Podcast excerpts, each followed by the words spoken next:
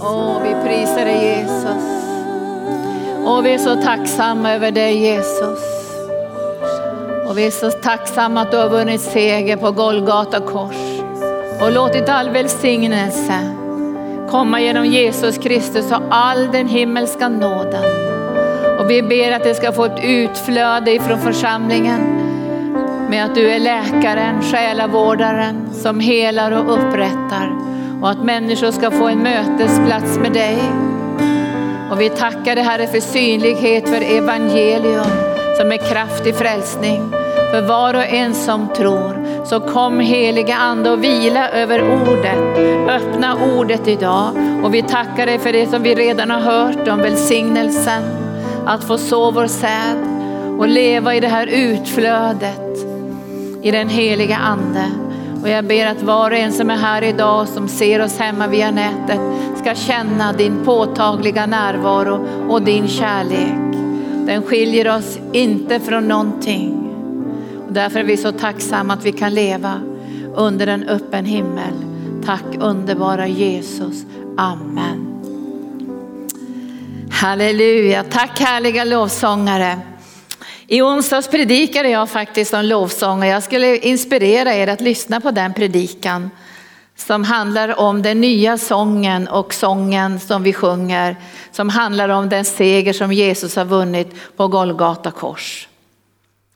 Sen tänkte jag säga så här också att ni som nu inte kanske får så mycket information av oss och veta hur vi kommer att fortsätta och arbeta tillsammans så kan ni få vårt nyhetsbrev också via info.arken.org. Men ni kan också se på vår hemsida www.arken.org så kan ni följa så berättar vi också hur vi kommer att handskas med restriktionerna som börjar nästa vecka. Men vi har inte sett allting än och vad det kommer att innebära för oss så att vi ger vidare information. Men vi kan säga så här att vi på något sätt har satt vår egen personal och alla våra frivilliga i andligt stabsläge. Det betyder att vi måste satsa ännu mer i det andliga. För är det så här att vi bara får ha åtta personer i gudstjänstlokalen så önskar ju vi att vi ska ha väldigt starkt flöde av den heliga ande härifrån plattformen. Så vi har stark lovsång, det profetiska. Vi kommer att ha vittnesbörd här varje söndag också om vad Herren gör på gatorna. Och vi önskar ju då att alla som ser oss där hemma ska få den här live-mötesplatsen. Och därför önskar vi också att församlingen, och vi säger församlingen Arken, att alla församlingsmedlemmar är närvarande i något av de här två mötena på söndagen så att vi kan möta varandra i anden. Därför även om man måste ha en viss distans i det fysiska behöver man inte ha en distans i det andliga. Utan vi kan vara väldigt nära i det andliga. För vi önskar ju arken att fortsätta ha livegudstjänster. Vi skulle kunna göra så att vi spelar in våra gudstjänster i tv-studion så vi har dem i förväg så att ni får gudstjänsterna i förväg så att vi går på det sättet. Jag säger att det behöver inte vara något fel i det. Men vi känner att vi vill inte göra det i arken. Vi vill ha live-gudstjänster. Så att vi möter varandra så vi kan få det profetiska direkt ifrån Guds hjärta. Så vi kan flöda tillsammans i anden. Så att när ni ser oss i en sån här gudstjänst att ni är med i lovsången hela tiden och får möta Gud i lovsången. Att ni är med i pålysningen och känner enhet med församlingens uppdrag. Och då tänker jag också på att du som är där ute kanske inte är med i församlingen men du känner att det vi gör i arken känner du igen i ditt hjärta. Och sen att du är med i förkunnelsen för att när jag predikar så tänker jag så att du sitter där nu där hemma och nu får jag tala direkt in i ditt hjärta. Så vi tror att det finns inte någon jättelångt avstånd mellan oss. Så be för alla våra lovsångare. När vi går i andlig stabsläge så måste vi överlåta oss ännu mer. Och vi har ju en tjänst i arken att vi betjänar hundra och åter hundratals människor. Och det gör vi mycket nu via telefonerna. Och under Jesus hela upprätta kommer vi ha telefonerna öppet här. Så människor ska kunna ringa under vår, vår gudstjänst Och vi, vi tror också att vi ska kunna ha det också öppet på söndagarna. Att man ska kunna ringa i våra gudstjänster och, och säga tack för att jag fick det här profetordet. Eller ja, jag står i bön för det här och får lämna in sitt bönämne. Så vi får den här kontakten. Och det är det vi ber över nu, att all vår personal och alla våra medarbetare ska gå in i andligt stabsläge. För nu är det på riktigt vänner. Därför att nu går ju många i sjukvården till stabsläge och det betyder att man får satsa ännu mer.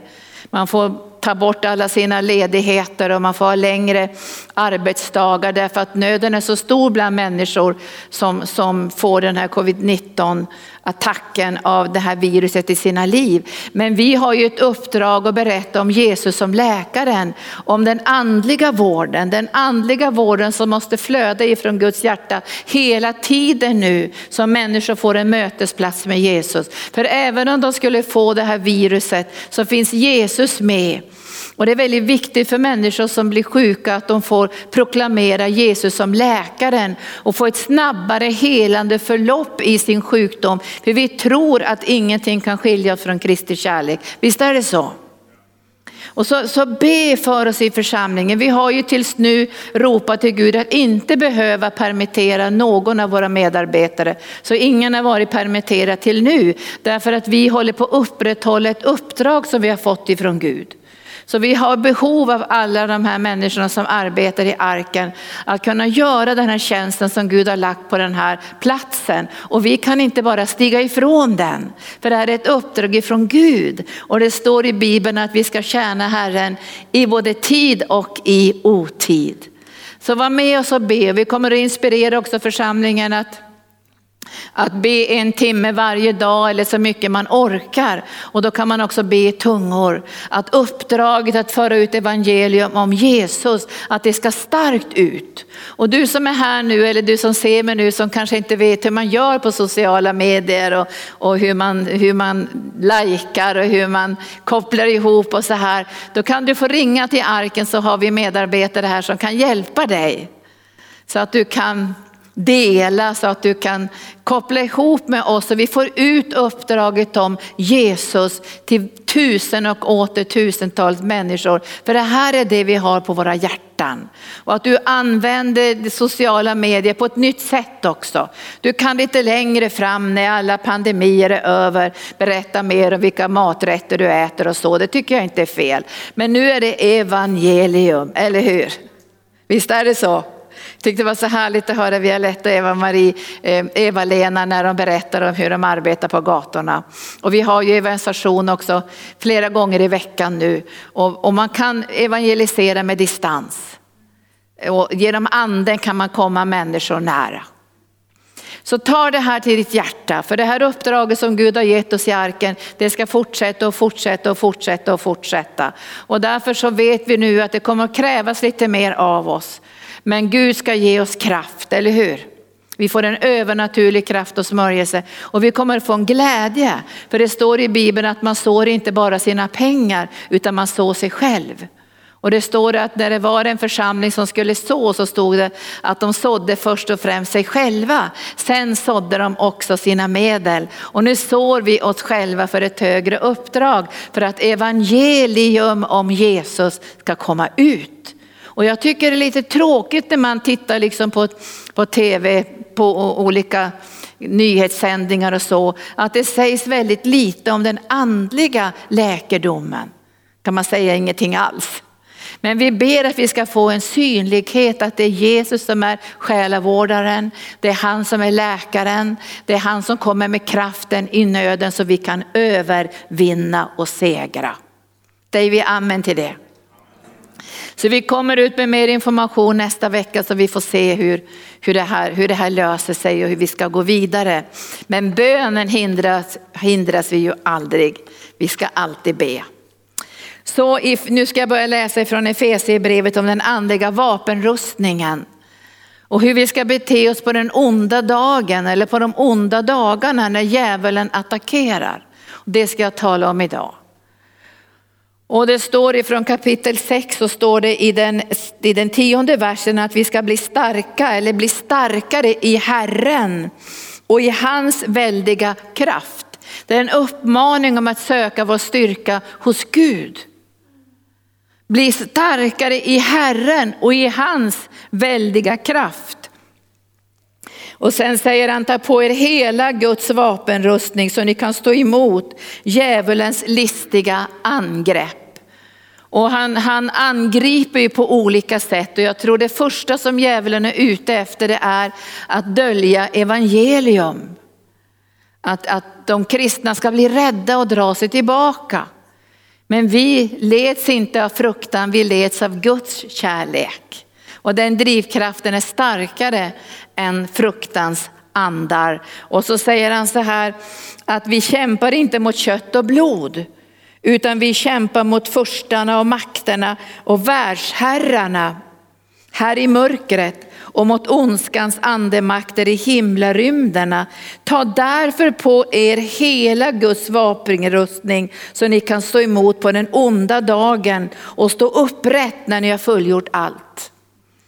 Alltså vi ska stå emot på den onda dagen men vi ska också stå upprätta när vi har fullgjort allt. Vi ska inte gå ur prövningar och attacker nedbrutna, sargade, deprimerade och modlösa. Vi ska gå ut ur varje prövning upprätta står det. Ni ska vara upprätta och när ni har fullgjort allt. Och så säger han att vi ska stå fasta. Och så räknar han upp hela vapenrustningen. Och i 18 versen säger han, gör detta under ständig bön och åkallan och be alltid i anden. Vi behöver be i anden för vi strider inte mot kött och blod. Vi strider mot en andevärld som är fylld av mörker. Och därför måste vi be i anden för att kunna få andliga lösningar, råd och utvägar hur vi ska handskas med olika utmaningar när vi blir angripna på olika sätt. Och då säger Paulus så här. Han säger var därför vakna och håll ut i bön för alla de heliga. Och i 19 versen säger han be också för mig att ordet ges mig när jag öppnar min mun så att jag frimodigt förkunnar evangeliet hemlighet för vilket jag är en ambassadör i bojor. Be att jag talar så öppet och fritt som jag bör. Och jag tror att vi behöver be mycket för ledare idag. Att de håller ut i den här striden och attackerna, att de inte tappar modet eller tappar liksom kraften i att hålla uppe uppdraget. Så vi behöver mycket bön. Att inte vackla, att inte dras tillbaka. Och jag vet ju att Bibeln säger att om man är lejd herde så sticker man ju iväg när det blir lite attacker och när vargen kommer. Men vår herde är Jesus Kristus. Och vi följer Jesus i tro på att vi är Herrens underherdar. Och på olika sätt så är du och jag med och samlar människor. Vi stödjer människor, vi uppmuntrar människor. Ge inte upp, för han som bor i dig är starkare än den som bor i världen.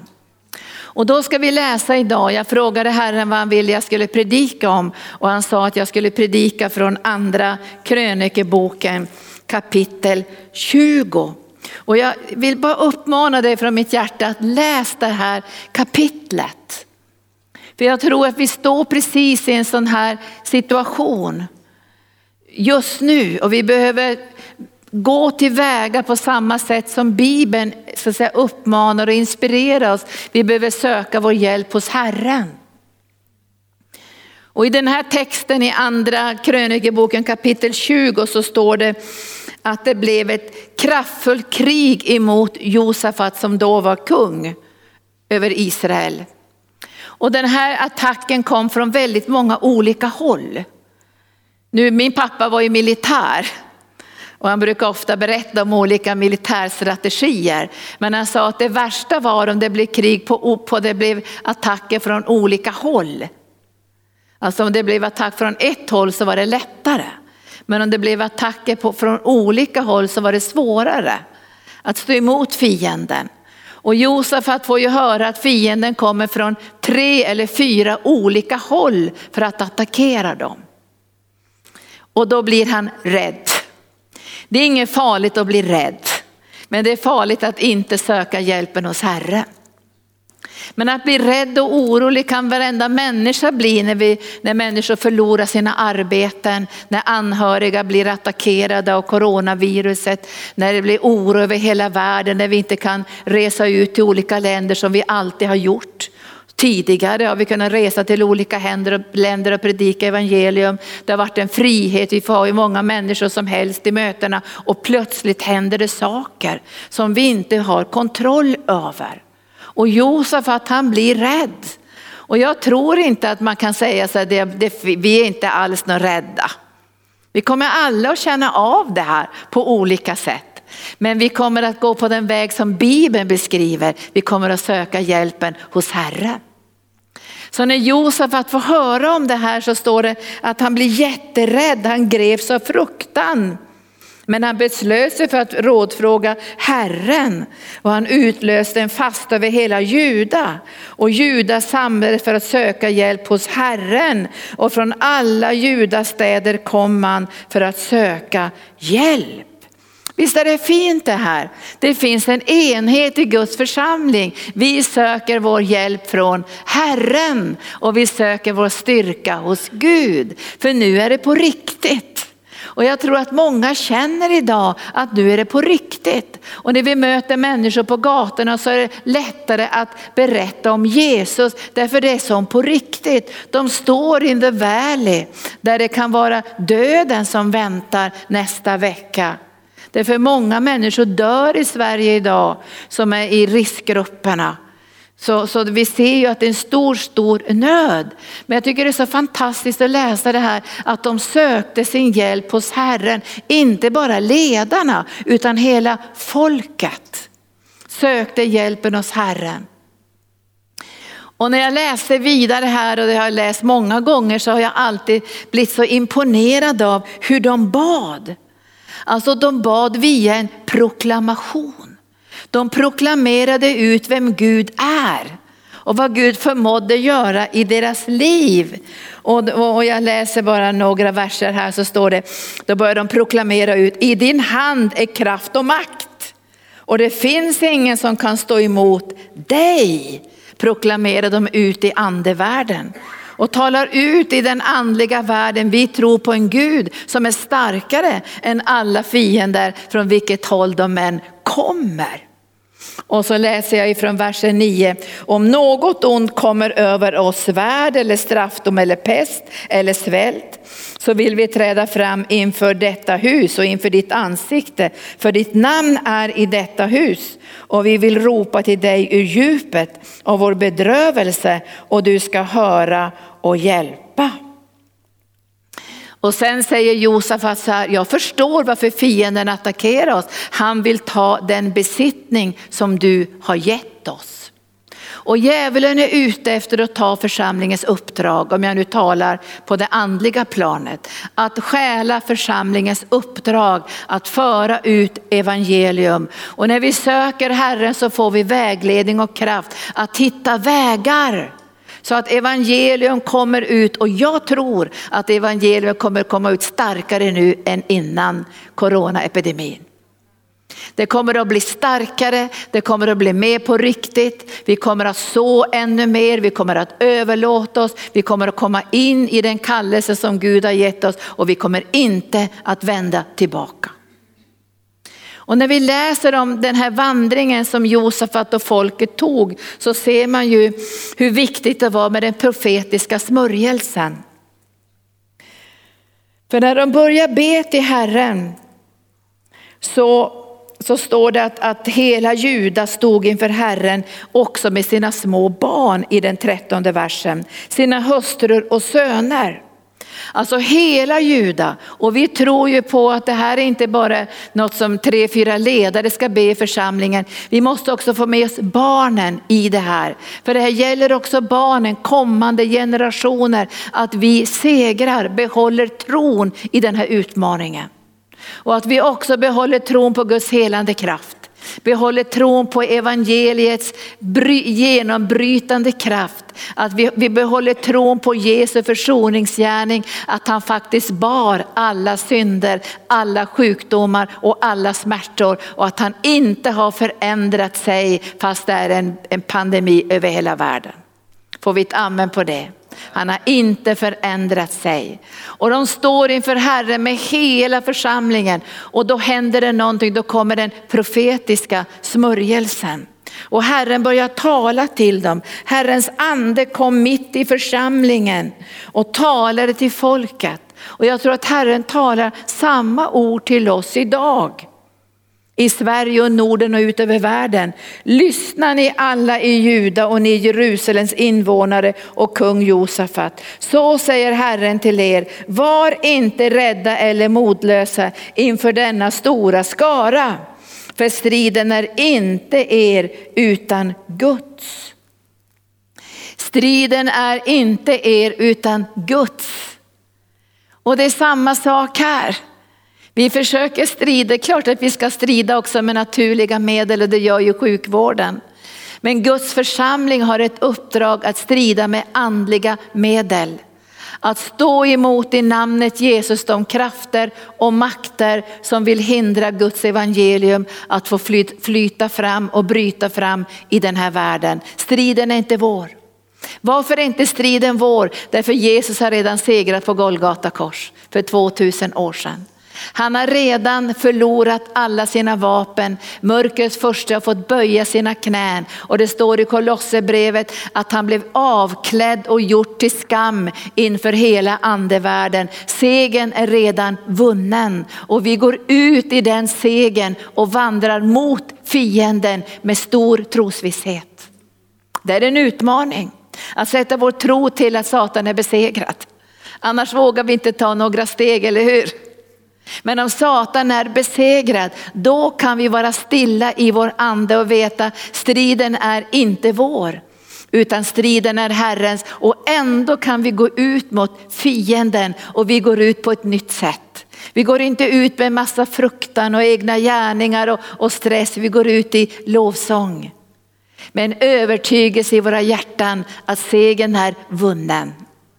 Därför kommer alltid lovsångarna att få gå före stridsmännen.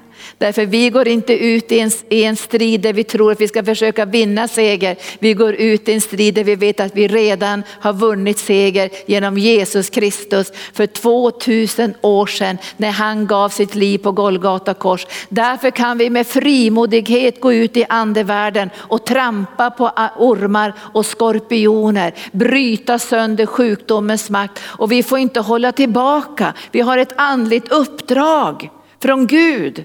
Att strida mot den här bakterien och nu är det inte bara coronaviruset. Det finns mängder med sjukdomar ute över världen. Vi har mängder med, med, med bakterier och virus som, som arbetar för att skada människor på olika sätt. Vi har malarian som dödar, dödar kanske en miljon människor varje år. Men vi har ett uppdrag att trampa på ormarna och skorpionerna och gå ut i andevärlden och strida tillsammans med Jesus därför att han har redan vunnit seger. Så vårt uppdrag är att tala om för de här makterna och myndigheterna att de är böjda redan vid Golgata kors och de måste böja sig i namnet Jesus. Och det här kan vi bara göra om, om, vi, om vi får de här profetorden i vår ande som folket fick. Var stilla, för ni ska inte vara modlösa eller rädda. För striden är inte er utan Guds. Och så säger Herren till dem, att eh, det är inte ni som ska strida, säger han i 17 versen. Ni ska bara stiga fram och stå stilla och få se Herrens frälsning. Men det betydde inte att de stannade kvar hemma, utan de drog ut mot fienden och lät lovsångarna gå före stridsmännen. Och det här ska vi göra i församlingen Arken, därför mobiliserar vi lovsången. Därför för vi lovsångarna till stabsläge i anden för att mobilisera lovsången att gå före och proklamera Herren Jesus seger på Golgata kors. Sen kan stridsmännen, förebedjarna, predikanterna, de som tjänar på olika sätt komma efter och utföra sitt verk. Därför när striden hade vunnits i den här texten så fick de under tre dagar gå ner i fiendens läger och plundra. Och vi ska plundra fiendens läger. Under den här pandemin kommer vi att plundra fiendens läger. Vi kommer att lösa ut ekonomi, vi kommer att lösa ut hälsa, vi kommer att lösa ut lösningar från Guds eget hjärta och vi ska plundra fiendens läger och få proklamera i det här landet att Jesus är Herre. Det är så fantastiskt att se hur den här modlösheten försvinner från Josafat, den här oron försvinner från hans hjärta. Och så säger han så här, då, då står det så här, var inte rädda och modlösa säger Herren igen. Gå imorgon emot dem och Herren är med er. Gå imorgon emot den här fienden, gå emot fienden. Och det, det ska vi också göra. Vi ska gå emot fienden. Och det står i 17 versen och framåt. Vi ska ta ormarna i händerna. Nu är det en tid att ta ormarna i händerna, vet ni det? Många gånger har man undrat vad är det där att ta ormarna i händerna? Varför ska vi gå omkring och ta en massa ormar i händerna? Det betyder att vi kan göra skillnad genom vår tro, genom vår visshet, genom vår kärlek till Jesus kan vi ta ormarna i händerna. Och Gud påminde mig att man kan gå två vägar, man kan gå klagandets väg. Man kan gå besvikelsens väg, modlöshetens väg. Och jag höll på att gå den vägen när vi hade varit och predikat i norra Indien, långt upp i vildmarken. Och efter vi hade predikat där, det var ganska misslyckat för det regnade så fruktansvärt och hela platsen där vi skulle predika, den stora kampanjen blev bara en enda stor gegga och regnet blev värre och värre och till sist så sprang alla människor därifrån så vi hade bara kanske 300 kvar. Så det var riktigt, riktigt jobbigt. Och vi försökte ta skydd någonstans. Och sen kom vi ner till Calcutta och så gick vi där för de mörkaste, svartaste områden, man brukar kalla Calcutta som är Indiens så att säga, armhåla av svett och mörker och synd och nöd i det distriktet. Och vi gick där på gatan. Och jag kommer särskilt ihåg att de hade en massa hästar där som de skulle försöka få turister att liksom sitta i någon slags vagnar. Och de här hästarna var så undernärda. Alltså de var så skabbiga, de var så halvdöda. Så att jag, jag sa till de här ledarna, jag står inte ute och ser det här, vi måste göra någonting. Så jag började gå fram och försöka ge dem pengar till att köpa mat åt hästarna. Och sen var det döende hundar som benen hade lossnat på, som hade kört över, hoppade omkring och sen låg det barn efter gatorna och människor som bara låg utslagna. Och jag gick och klagade och sa, Gud vad det är fruktansvärt det här. Det här är ju avskyvärd, sa jag. Ska det vara på det här sättet? Och då sa Gud till mig så här, ta ormarna i händerna och gör någonting. Och då gjorde jag det. Alltså jag trampade till på den där gatan. Jag trampade till och sa nu tar jag en orm i handen och jag slänger den här på gatan och jag trampar till i namnet Jesus. För nu ska vi förändra i den här staden. Och jag sa till medarbetarna, det här är många år sedan, att här ska vi förändra sa jag. Här i Calcutta ska vi bygga det vackraste centret i hela Calcutta för nödlidande människor. Och de tittade på mig och sa, hur ska vi starta då? Jo, så vi startar den här veckan sa jag. Och så ska vi samla in sju eller åtta barn som vi ska hjälpa på en gång. Ska vi ha dem på något ställe som vi hittar någon lokal eller något rum eller något. Men vi ska börja sa jag. Och sen ska vi bygga. Nu kan ni få se på vår hemsida. Vi har, jag tror vi har det vackraste centret i hela den delen av Calcutta. Vi har sju olika hus. Vi har barnhem, vi har hjälparbete, vi har klinik. Vi kan hjälpa människor som är i stor nöd. Men jag kommer ihåg när jag stod där i modlöshet och mörker och Gud sa ta ormen i handen. Nu är vi i en sån tid vänner, vi behöver ta dem med ormarna i händerna. Ormarna av sjukdom och ormarna av fattigdom och ormarna av begränsningar och ormar av hopplöshet. Vi är Guds församling. Och nu går vi in i andligt stabsläge. Nu får vi lägga undan saker som vi kanske brukar göra och nu får vi ställa oss till Herrens förfogande. För vi ska igenom det här starkare än innan pandemin började. Och nu ska vi se hur de gjorde här i, i den här texten. Tycker det är så fantastiskt att läsa hur de gick ut emot fienden. Och då säger Herren till dem så här bara, stå fasta och tron på Herren, er Gud som består, lita på honom och hans profeter så lyckas ni väl. Och vi fick ju så märkliga profetord här i arken 2020 i början av januari. Då hade vi varit i Israel två vändor och jag hade varit i Kanada och vi såg ju fram emot halleluja, det var bara öppna dörrar. Och jag var i Israel och höll en stor, jag säger en stor retreat i en församling där vi skulle, vara, vi skulle ha flera hundra som skulle komma men coronan började komma så det kom bara hundra stycken. Ungefär hundra stycken. Men vi kom tillbaka och så var det helt förändrat. Och Gud hade ju gett orden till oss 2020. Vi skulle få se förnyelse, förändring och expansion. Och vi tänkte, vad då? Och ska det bli förnyelse, förändring och restriktion? Så vi inte får ha några möten. Så vi blir helt begränsade. 50, 10, kanske vi bara får ha 10. Vi hade kontakt med Suzette från Tyskland och sa, nej men vi får bara ha 10 i våra möten. Och så hade Gud satt expansion. Men ända sedan den här pandemin kom, vi som är i ledarskap och i församlingen håller på att förbereda för expansion. Det är det vi ser i våra hjärtan, expansion. Vi ser en större brinnande församling, därför har vi över 700 stolar nu här inne. Så när pandemin är över så tror vi att varenda stol kommer att fyllas, halleluja. Vi tror på att vi ska få expansion i våra, de olika länder som vi tjänar i de här 13 länderna där vi har våra missionsprojekt. Vi tror vi ska kunna expandera med bibelskolan och ha många, många fler elever än vi har haft det här året. Vi tror på att vi ska kunna expandera både ekonomiskt, vi ska kunna ge ut böcker på olika språk. Vi kommer att träna oss i media, vilket vi gör nu, för att kunna nå ännu bättre ut till människor ut över världen. Vi kommer att sätta tro till tolkning till olika språk, till ryska, spanska, engelska och, och, och vad ska vi ta med för språk? Finska, andra språk också. Beba, du ropar ut ett språk här. Arabiska, vilka mer språk?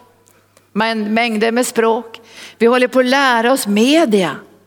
Det har blivit en välsignelse för oss. För många av oss i arken är inte mediavana, men det kommer vi att bli efter den här pandemin är över.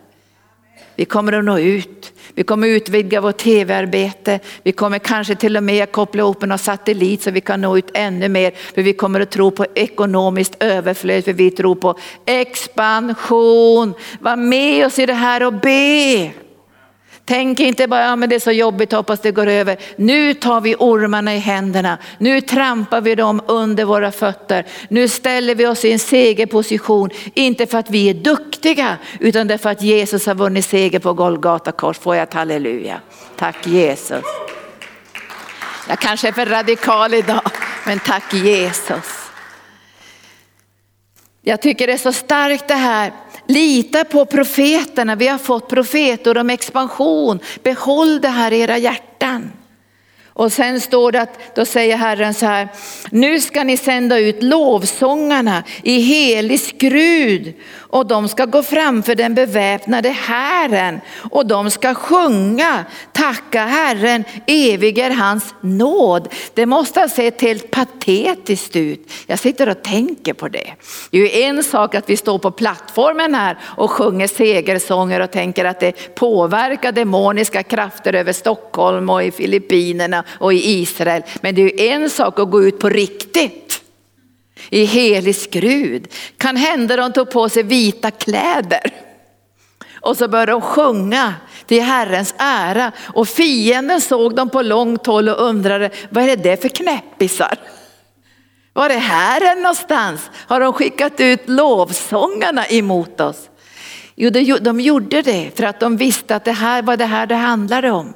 Att när de proklamerade ut den fullkomliga segern och nu levde inte ens de i det nya förbundet så proklamerade de ändå ut segern och då visste de att Guds ande skulle kunna verka. Och det som hände blev nu att fienden kom i en sån total förvirring att de började inte göra varandra. Vi tror på det. Vi förtröstar på det. Och vi tror att lovsångerna här på arken kommer att skapa förvirring i fiendens läger.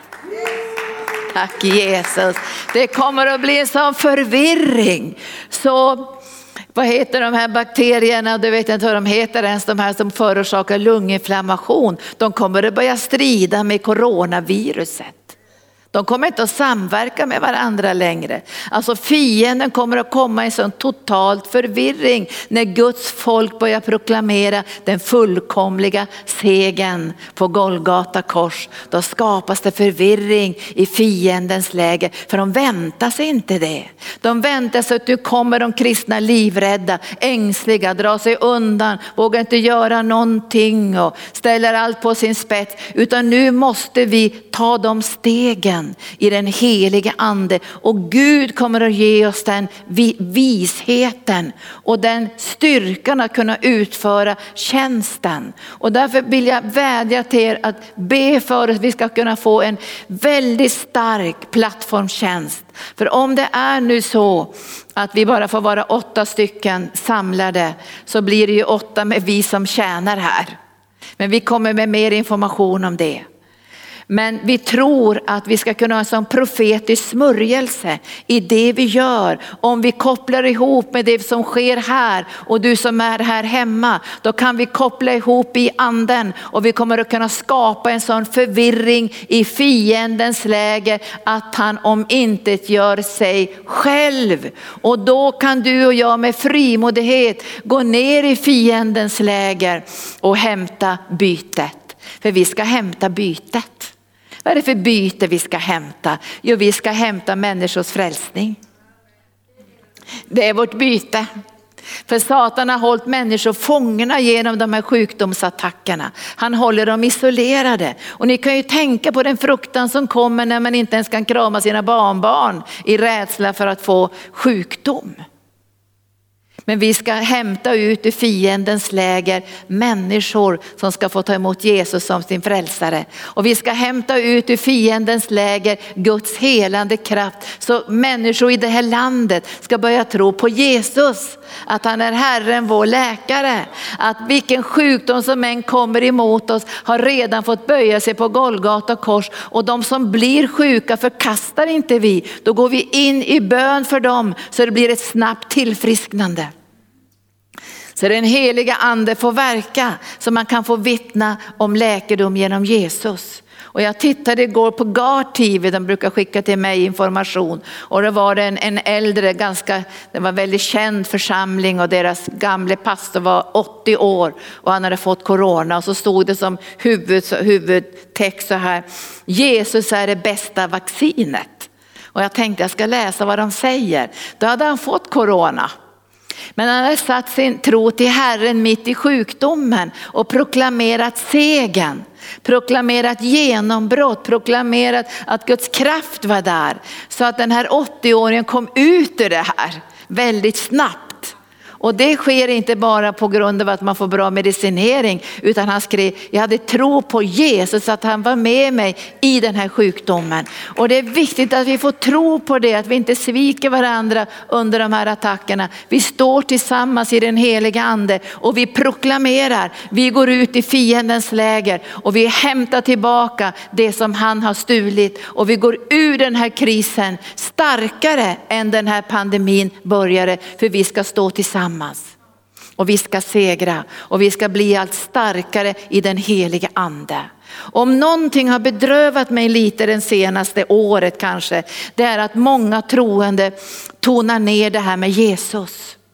Att man tonar ner evangelium. Man talar rent allmänt sådär om en kristen värdegrund men man säger inte så mycket om Jesus. Men vi ska säga ännu mer om Jesus synliggöra Jesus, vara stolta över Jesus, berätta om försoningen, blodet, den öppna vägen. Att ingenting av vårt eget kan kan, det väger för lätt. Jag sa till eleverna häromdagen att allt jag har gjort för Jesus i hela mitt liv, för jag har tjänat honom nästan hela mitt liv. Allt jag har gjort för Jesus kommer ändå väga för lätt inför Guds tron. Det väger för lätt.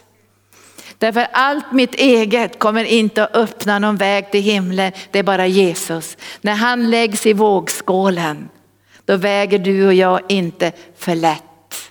Himlen är öppen genom Jesus och människor behöver höra evangelium. Jag ska gå tillbaka nu till Efesierbrevet kapitel 1 när Paulus ber.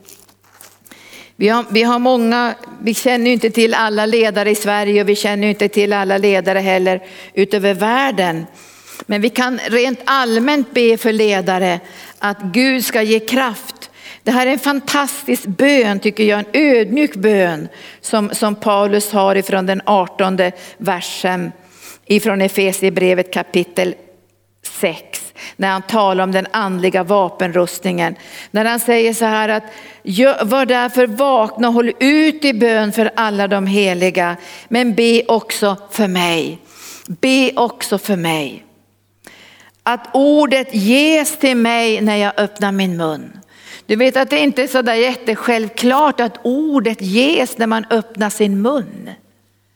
Man kan ju tänka att många predikanter det är så lätt att predika, det bara flödar på. Men det är en bön att ordet ges till mig när jag öppnar min mun. Då läggs ordet i min mun från himlen. Och för det behöver du och jag förböner. För det är inte bara predikanter som predikar. Vi ska alla vara Guds språkrör i den här sena tiden när jag öppnar min mun. Vad kommer ut ifrån min mun när jag öppnar min mun? Är det modlöshet, är det oro eller uppgivenhet? Låt ditt ord komma ut ur min mun när jag öppnar din mun så jag får ge hopp till människor i en tid av hopplöshet och oro, oro och modlöshet. Han säger så här, så att jag frimodigt förkunnar evangeliets hemlighet. Han ber om frimodighet för han är en fånge här, när han skriver det här brevet. Han bär bojor, han är i fängelse. Och då kan det ju vara visigt att ligga lite lågt. Nu ligger vi lite lågt. Men Paulus säger, jag vill inte ligga lite lågt nu. Nu behöver min röst höras ännu mer när jag är en ambassadör i bojor. Och Guds ord bär inga bojor. Och därför ber vi att när vi öppnar vår mun ska vi tala frimodigt evangelie, hemlighet. Och så säger han, för vilket jag är en ambassadör, be att jag talar så öppet och fritt som jag bör. Be att jag talar så öppet och fritt som jag bör. Nu måste vi ännu mer som Guds församling förstå vårt uppdrag och förvalta evangelium. Det är evangelium som vi förvaltar. Och jag tror att, att egentligen spelar det ingen roll vilken tid det är, om det är tid eller otid eller om det är problem eller inte problem så ska vi ändå förkunna evangelium för Gud har inte ändrat vårt uppdrag. Och jag tänkte häromdagen på pastor Gunnar faktiskt. Hela hans eh, släkt gav ju upp sina liv för att åka till Kina. Och de var en av de första som förde ut evangelium till Kina. Och de var väldigt unga människor, det var också, fick de utbildning från Hudson Taylor och de kunde ju knappt kinesiska. Men de hade börjat brinna i sina hjärtan, Kina måste få evangelium. Och i stora skaror så lämnade de Norge och Sverige och åkte till Kina. Och de startade jättestora församlingar. Jag tror Gunnars morfar och mormor, morfar och farfar och mormor och morfar. De startade församlingar på 6-7 tusen medlemmar. Och så kom de här upproren och Mao Zedong och ni vet allt det där. Men nu läste vi i världen idag att det fanns en kyrkogård där där de hade sparat minnet av de här pionjärerna som var begravda där. Och där fanns också Gunnars morfar. Både morfar och farfar dog ju i Kina. De gav ju sina liv där och åkte aldrig hem för de satsade ju alla sina dagar i, i det landet.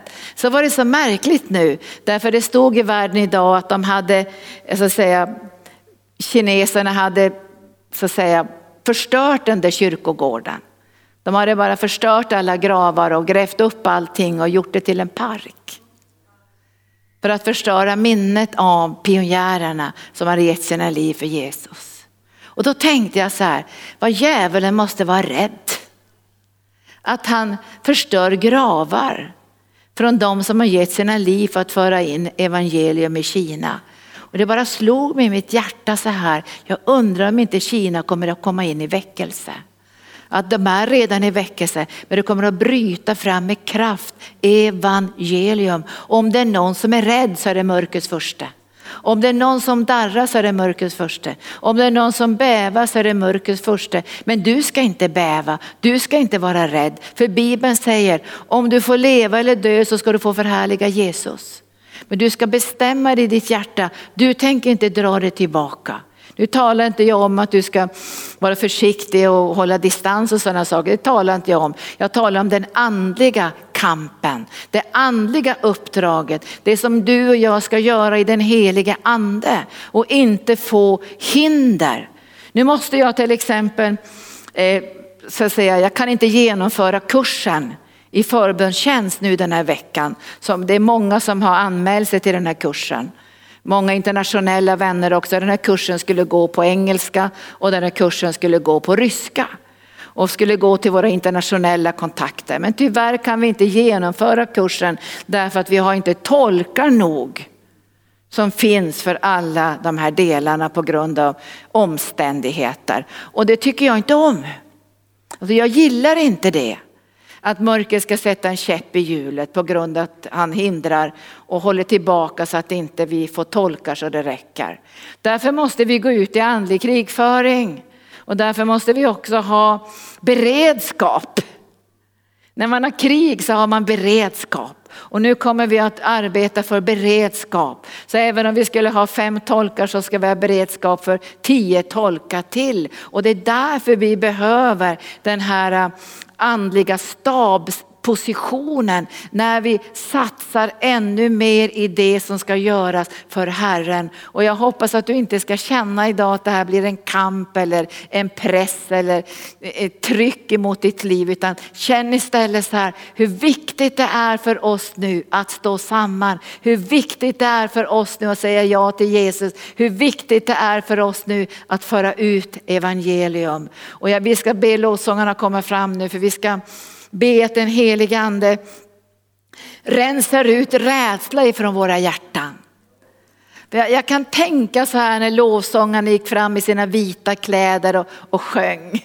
Tänk om de tänkte nu skjuter de på oss.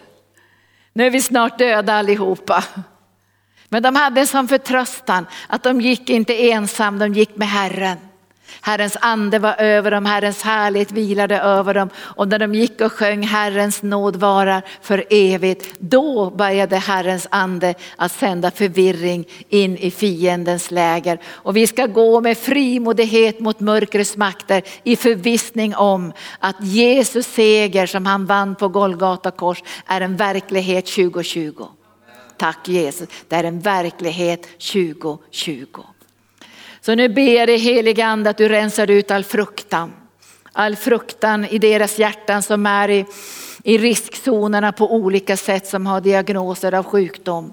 Jag ber att du Sonoria, Centoria, bara rensar ut den här fruktan och ger dem en frimodighet när de öppnar sin mun. Så är det i proklamation över segern på Golgata kors. Så är det en proklamation över din omsorg och din, ditt beskydd. Jag ber dig helige ande att du rensar ut all fruktan och all oro. För du har sagt Herre, vi ska inte vara modfällda. Vi ska inte vara fyllda av fruktan, vi ska förtrösta på dig. Så jag bryter i Jesu Kristi namn all fruktan nu i namnet Jesus. Och jag bryter all fruktan av, av förskingring och dålig ekonomi i namnet Jesus. Ingen ska förskingra oss. Vi ska stå samman starka, brinnande, övertygade om att du har vunnit seger och du har kallat oss som ditt folk att segra och övervinna. Och jag ber dig heliga ande om frimodighet att gå in i fiendens läger och ta tillbaka allt det som Satan har stulit, människors hälsa,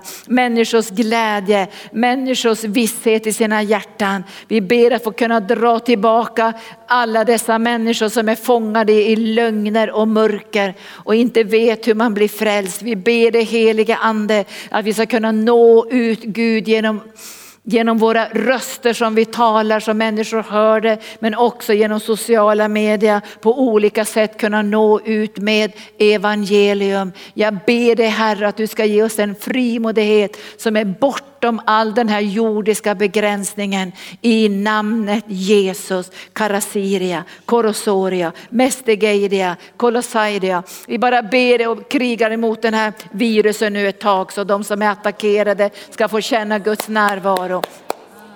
Renonoria masendo coria sente coria sente. Cora brendo lo soria la brendo lo coria la caidea. reso coria la bendo coria la mende. Coria la mendo coria sentoria coria la mara la sondo coria kentairia esto gorio esto gorio esto gorio. Cora brentoria la sento coria la mende kiria och vi bara går emot varje attack av död varje attack av död. Vi går emot varje attack av sjukdom varje attack av död. Böj dig i namnet Jesus. Kora sendria, kora sendria, kora brendoria, solasoria, bresinto coria. Kom heligande, kom heligande, kom heligande.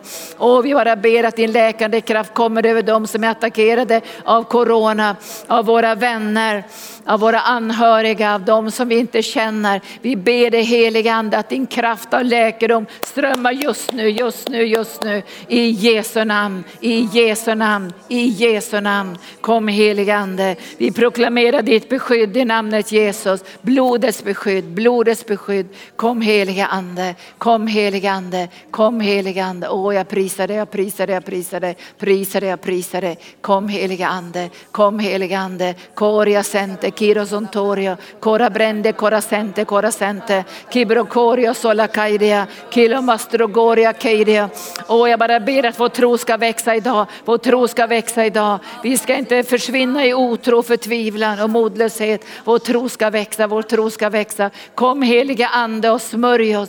Kom och fyll oss med din ande så vår tro ska växa idag. Och låt trons nådegåva flöda genom våra liv så vi kan ta steg i anden och hitta lösningar och utvägar. Kom heliga ande, kom heliga ande, kom heliga ande, kom heliga ande. Och bara väck tro i våra hjärtan, väck tro i våra hjärtan, väck tro i våra hjärtan i Jesu namn, i Jesu namn. Vi vi ska hoppas och tro med en övernaturlig smörjelse i namnet Jesus, i namnet Jesus, i namnet Jesus. Koria lakeirio solo contoria, eprokoria, sosokoria, brettokoria, sentokoria. Vi bara lyfter upp all sjukvårdspersonal i Sverige som, är på, som är knappt orkar arbeta längre. Många känner en hopplöshet och en oro inför framtiden. Men vi lyfter också upp alla församlingsledare att de ska vara frimodiga när det gäller att tro på helande. Vi ber här om en våg av smörjelse för helande. En våga smörjelse, tro för helande, tro för helande. Kom helige ande, kom helige ande, kom helige ande. Tack Jesus, tack Jesus, tack Jesus, tack Jesus. Åh, vi prisar dig, vi prisar dig, vi prisar dig, vi prisar dig. Kom helige ande, kom helige ande. Tro på helande, tro på upprättelse, tro på läkedom. Tack Jesus, tack Jesus. Åh, vi prisar dig Jesus, vi prisar dig. Åh, vi prisar dig. Tack Jesus, tack Jesus.